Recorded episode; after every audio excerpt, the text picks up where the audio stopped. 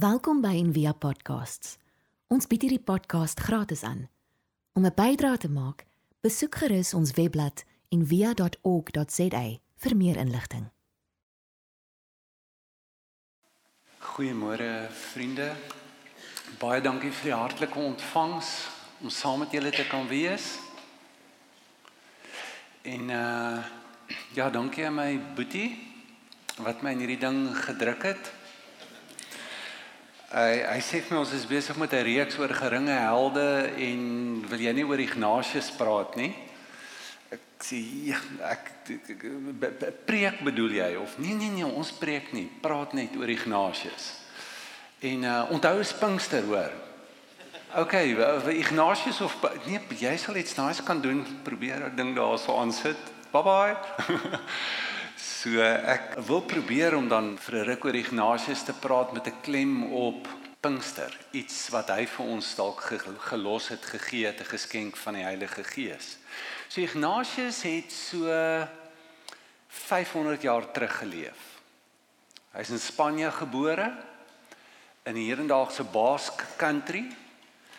En dit was nie lank nie of uh toe Ignatius so in sy 20's kom het hy gedroom om 'n generaal te word. Is 'n uh, die militêre wêreld het hom vreeslik aangetrek. En hy was in 'n skermutseling betrokke. Ehm um, as julle daai Spanjaarde ken tot vandag toe, vuurige, vol striwelinge die heeltyd. En hy word getref deur 'n kanonbal in sy een been en hy gaan lê in 'n kasteel om te herstel. En terwyl hy daar lê, is daar nie boeke om te lees nie, net boeke oor die heiliges. Onder andere Fransis van Assisi en van die ander heiliges. En nou lees hy maar die boeke, want daar's niks anders om te lees nie. En hy word nogal opgeneem met hierdie stories. En en van hulle, as jy nou ietsie leer van Ignatius, as hy dit lees, dan dink hy dan sê hy ehm um, ek kan dit ook doen. Ons sê ek kan dit beter doen. So dit sê vir iets van wie hy was in sy persoonlikheid. En dan dagdroom hy. Hy word 'n generaal. Hy sien hoe hy veldslaaf wen, bekend raak, beroemd raak. En dan het hy daai ander man drome. Jy weet hy, hy droom oor die verpleegstertjie wat hom versorg. Hoe dit kan wees Hy droom hoe hy ander vroue verower. En dit dis maar hoe hy sy tyd spandeer om te herstel. En hier begin Ignatius iets ongeloofliks te doen. Hy begin te reflekteer oor die aard van sy drome en van hierdie begeertes wat hy in hom het. En hy kom agter hulle verskil van mekaar. Hy hy kom agter as hy oor die heiliges droom en dink daar 'n ander tekstuur aan hierdie ervaring is. Hierdie gevoel waarmee hy sit. Dit laat hom met 'n gevoel wat hy consolation noem. Dis asof goed bymekaar kom.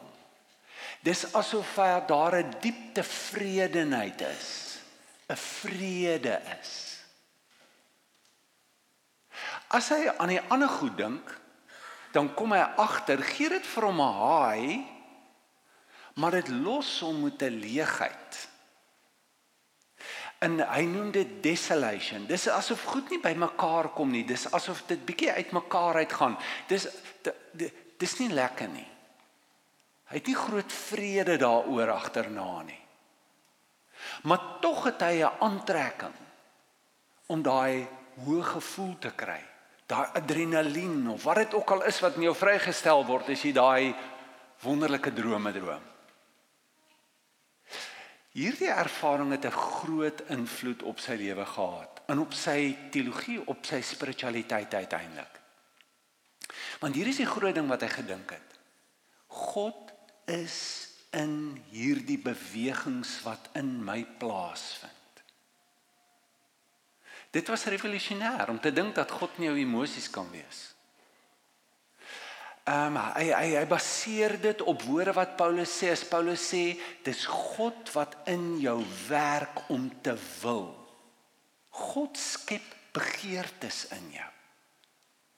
Hy sê laat die vrede van God in julle harte heers. Die ou amplified vertaling sê let the peace the soul harmony which comes from Christ continually act as empire in your life deciding and settling with all with finality all the questions that arise in your minds.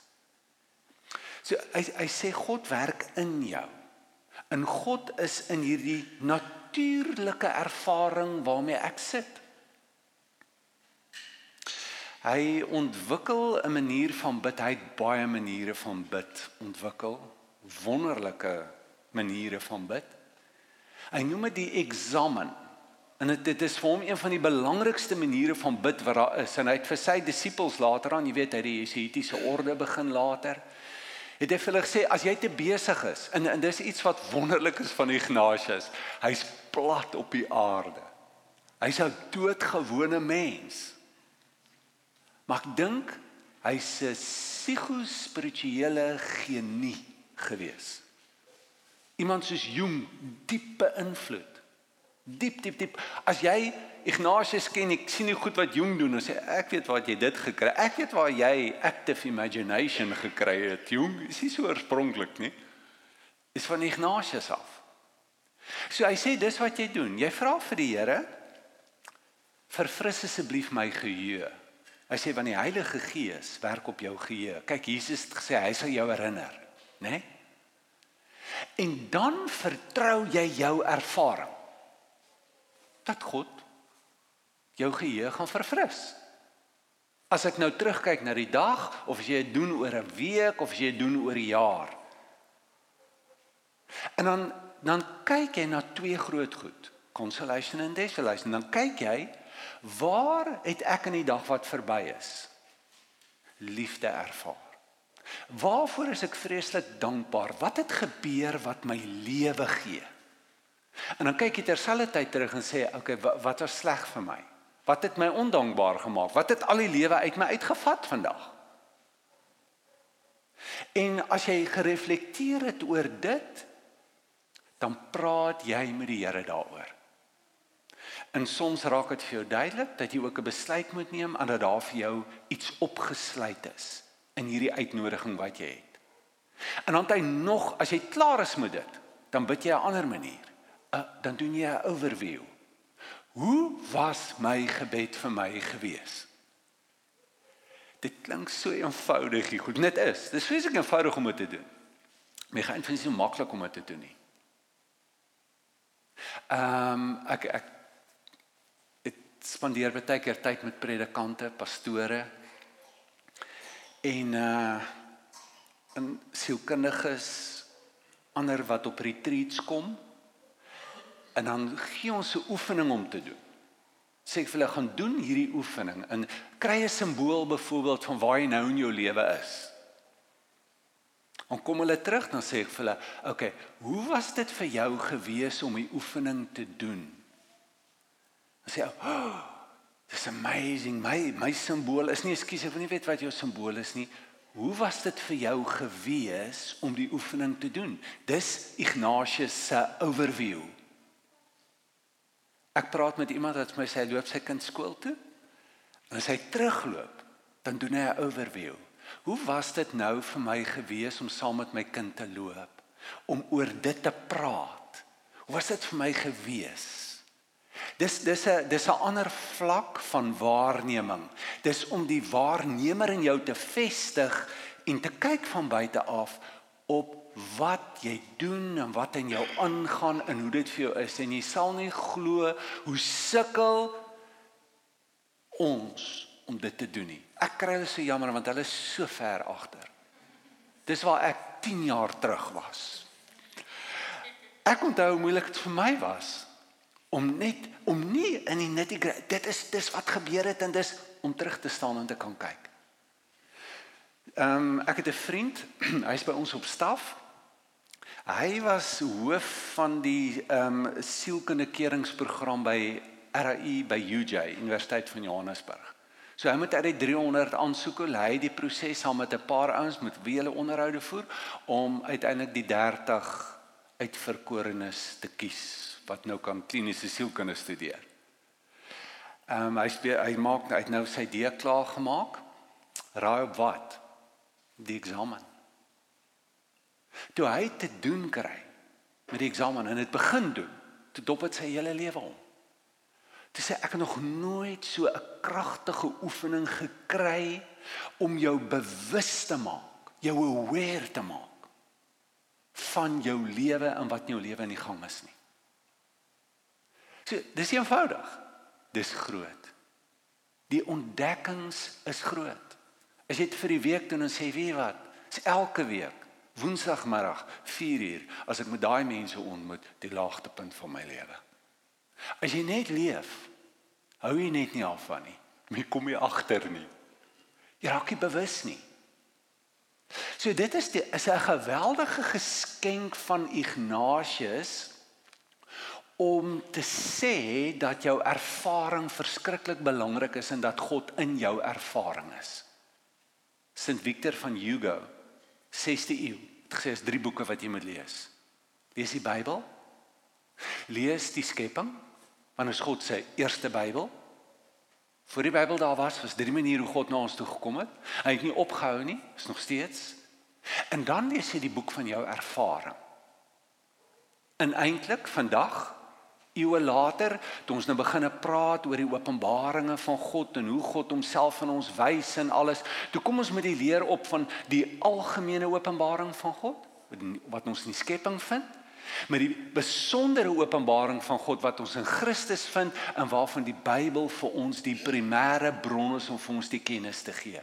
Maar dan is daar die persoonlike openbaring deur die Heilige Gees wat na jou toe kom deur jou ervaring. So, uiteindelik het ehm um, van sy volgelinge met die slagspreuk opgekom to find God in everything. Swaar Ignatius gegaan het. Dat jy God kan vind in die alledaagse gewone goed van die lewe en dat hy nou in jou lewe werk. Dat hy besig is jou uitnooi. Het in ehm um, ja, is groot. Is 'n avontuur om dit te ontdek. Dit dit gaan teen baie ander spiritualiteite, nie teen dit nie. Ek dink dit dit bring 'n ander dimensie, 'n verbreding van jou idee van God, van hoe hy werk mee. So as jy nou dink aan jou eie lewe. Hoe het God al met jou gepraat? Hoe lei hy jou? Jy wil graag 'n besluit neem? Nou bid jy. Here, wys, wat verwag jy? Hoe werk hy met jou? Weet dit hang af van jou tradisie. Ek het groot geword. Ehm um, jy gaan Bybel toe. Daar die Bybel sal vir jou sê wat jy moet doen. Nou baie keer praat die Bybel nie oor die kar wat ek wil koop nie. Daar's nie 'n Ford of 'n jy weet so baie keer leer hy jou breed oor goed, maar jy ek soek nou spesifieke besluit in hierdie omstandighede. Dan doen ons baie keer snaakse goed met die Bybel, nê. Nee. Jy weet, ehm um, ek slaan hom oop en daar staan klim op en vaar voort. Dis hy, ek gaan hom koop. So 'n Bybel bingo. Julle weet van jou wat wat depressed was, nê? Nee, hy, wat moet ek doen, Here? Wat moet ek doen? En hy slaan oop. En Judas het gegaan en het hom opgehang. Nee, Jesus. Wie dit doen nie. Nee, jy spraai weer, jy weet. Waarom twyfel jy? Gaan heen en doen dit dadelik. Dit is interessant. Ek dink jong Christene, die Here praat baie keer so met jou, nê. Nee, ek weet ek doen seker ook ervarings dat dit so kan wees. Maar as dit hoe God met ons werk, is dit hoe hy met ons praat. Ehm um, ander is uitsonderlike maniere, nê. Nee. Ek hoor 'n stem, dit was so helder vir my of ek droom of ek iemand kom na my toe, gee vir my 'n woord, meer 'n charismatiese manier, werkinge van die Gees waarmee jy te doen kry. Is dit hoe die Here met 'n mens werk? Hy moet jou werk. Wat verwag jy? Sekerlik kan ons nie God vasvat op een manier nie. Kyk, die een is meer die gereformeerde manier deur die Bybel en dan kry jy die charismatiese manier deur woorde en meer onnatuurlike, bonatuurlike maniere en hy kan. Maar Paulus se ervaring van sy bekering byvoorbeeld was 'n wonderlike geleentheid waar God met hom gepraat het. Uitsonderlik. Hy hoor 'n stem. Hy sê en en die ander mense hoor ook en sien ook. Maar dis nie hoe God met hom heeltyd gewerk het nie. Dis een keer. En dan praat hy oor 'n ander manier hoe ons God se wil kan soek en hoe God met ons werk. So Ignatius kom eintlik nou van 'n ander kant af. Miskien meer uit die kontemplatiewe wêreld uit. Wat meer natuurlik is. En hy sê in jou lewe nou werk God. Kom agter, hy's in jou emosies, hy's in hierdie bewegings wat in jou innerlike wêreld is. Raak sensitief daarvoor. Dis 'n wonderlike reis om op te gaan. En sy raad is jy doen dit nie wanneer jy 'n besluit moet neem nie, jy ontwikkel so 'n lewe. Jy ontwikkel 'n lewe van onderskeiding. Jy leef onderskeidend deur sensitief te raak van wat binne in jou aan die gang is. Dan kan jy baie beter besluite neem. So, hier is sy aanbeveling vier fees. In die eerste plek, as jy nou 'n besluit moet neem, waaroor moet jy die besluit neem? Wat is die vraag wat geantwoord moet word? Nou weer eens klink dit vreeslik eenvoudig, maar baie keer is dit nie so eenvoudig nie. Hierdie week uh is 'n baie baie interessante vrou wat daar by ons is. Sy um kom na my toe en sy sê, "Jy sal nie glo nie. Ons het aansoek gedoen vir Australië." 7 grade tussen my en my man. Dan sê nee, ons is goed genoeg nie. Afgekeur. Ek sê ja, dis bad, dit moet teleurstellend wees. Gaan jy nog 'n graad doen? Dis nee. Ek kyk nou na 'n ander plek. Ek sê watter plek? Sê nee, ek weet nie. Ek sê, "Wel, gaan af op die alfabet. B, Botswana, Burundi, Jy's snaaksie. Ehm um, in die gesprek sê sy uh, begin sy te praat oor waar hulle is en en wat dit is en so haar, haar groot vraag is nou okay nou wat nou? Wat 'n plek nou? Waarheen moet ons nou? Gaan ons nou Kanada toe of waartoe gaan ons nou gaan? En toe ons begin praat kom ek agter maar hier is 'n mengelmoes van goed op die tafel. Dit dit dit dit is baie baie meer vrae wat nou beantwoord wil word deur immigrasie. Dis dit het te doen met haar beroep. Sy's 'n advokaat, maar sy is seker sy wil aangaan met advokaat nie. Sy wil sy wil sy het eintlik 'n verkeerde rigting ingegaan. Maar nou immigreer sy en doen aansoek vir advokaat. So wat, wat, hoe werk dit nou? Of is dit nie nou so belangrik nie? Is die belangrikste ding nou net om uit die land uit te kom om 'n nuwe lewe te begin en dan dit uit te sorteer en te kyk. En dan sê haar kinders. Sy doen dit vir die kinders, maar sy is vreeslik onseker of dit 'n regte ding is vir die kinders want al hulle vriende is hier en jy weet dit is 'n groot, is 'n moeilike, ingewikkelde. So sy het soveel vrae Die vraag, nou speel sy eintlik so halwe Russian roulette klink dit vir my, so Christelike Russian roulette. O, oh, ja, daarom hy's gemis, gemis kwak, maar kom ons probeer weer. Sorr, kom ons kyk wat gebeur. Hæ? Jy dit is dit, dis mos nou nie. Is dit nie die wil van die Here soek? Ek kyk nou maar hoe werk dinge uit vir my, dan gaan ek saam met dit. En daar's spanning in haar verhouding.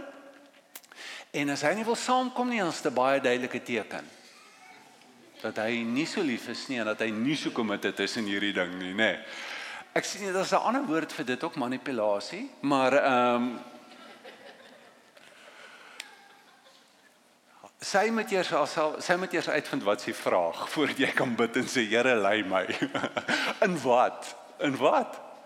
Is immigrasie ek dink nie immigrasie is die groot ding nie. Ek weet nie, sy's op reis, sy moet uitvind. Wat is die vraag wat jy het? Waaroor bid jy? En baie keer is dit 'n groot reis om net uit te kom by waaroor gaan dit regtig? En dan sê Ignatius kyk jy na die voordele en die nadele. En uh hy hy dit is wat Ignatius my so 'n genius maak dat hy is so prakties. Hy's so lewensgetrou. Dit ehm um, hy hy sê voordele en nadele. OK, as jy ja sê, wat s'e voordele en nadele? As jy nee sê, voordele en nadele. Ons maak baie keer net een kolommetjie voordele en nadele. Hy sê vir albei antwoorde, voordele en nadele. En hy sê jy doen dit bidend. So jy vra vir die Here. Here wys my. Ehm wat is dit? Is daar is daar goed wat ek mis? Gaan slaap daaroor. Vra die Here om dit na jou toe te bring. Jy praat dalk met mense, jy tel 'n boek op, jy staan die oggend op en jy het die antwoord. Jy sê ja, dis 'n groot nou belangrike ding wat ek gemis het. Praat met ander daaroor. Trek jou lys op. En dan sê jy moet jy 'n verbeeldingsoefening doen. So jy vra, jy vra die vraag, jy doen die voordele en nadele en dan doen jy verbeeldings en hy stel 3 verbeeldingsoefeninge voor. Hy sê die eerste ding wat jy moet doen is vertel vir jouself nou wat die issue is, wat jy wil doen. Verbeel jou 'n vreemdeling kom na jou toe en hy vertel dit vir jou, maar nou vertel jy dit vir jou deur die vreemdeling. Dis klaar 'n groot interessante ding as jy iets moet verduidelik. En dit is baie keer wat die uh, goed is in terapie is, net vir jou om woorde te kry vir wat in jou aan die gang is, want dit is deur mekaar. En as jy woorde kry, orden jy baie keer jou gedagtes. So vertel nou vir jouself deur die vreemdeling wat is die saak. En dan gee jy vir daai vreemdeling raad. Hy moet nou besluit. Wat sal jy vir hom sê moet hy doen? So jy maak 'n bietjie kontak met die wysheid wat in jou is. En dan praat jy met jouself daaroor. Dis die een oefening, verbeeldingsoefening. Die ander oefening wat jy doen is, jy's aan die einde van jou lewe. En jy het 'n goeie lewe gehad. Hoe sal jy voel oor die besluit? Hoe sal jy voel oor die besluit? is te groot? Is dit ja hoe lyk daai besluit nou in die lig van dit? En dan die laaste oefening is jy het dit nie gemaak nie jy's dood en jy kom in die hemel aan. En jy ontmoet Jesus. En nou moet jy met hom praat oor hierdie besluit wat jy moet neem wat sê jy die laaste ding wat hy aanbeveel is om die besluit te neem in die geheim. So jy sê vir niemand wat jy besluit nie, maar jy neem die besluit. Dis asof jy jy klaar besluit ja of jy klaar besluit nee en dan leef jy met daai besluit vir 'n paar dae. En dan draai jy om, dan neem jy weer 'n ander besluit en jy leef met 'n paar dae. Nou die groot, nou gaan hy weer hart toe. Weet dit, nou moet jy let op die innerlike bewegings in jou. Het jy vrede daaroor? Voel jy goed daaroor? Of het jy diep onrustigheid? Is daar consolation of desolation? Het in, in ons ek, ons ons almal ken daai twee bewegings in ons. En die groot rede hoekom hy so klem lê op dit is dat jy moet onderskei is dit ware consolation of is dit 'n valse consolation? En ehm um, ek ek het 'n geestelike begeleier, 'n non wat ek sien een keer week, sy's hoof van Ignatius die Jesuits in Suid-Afrika, die instituut.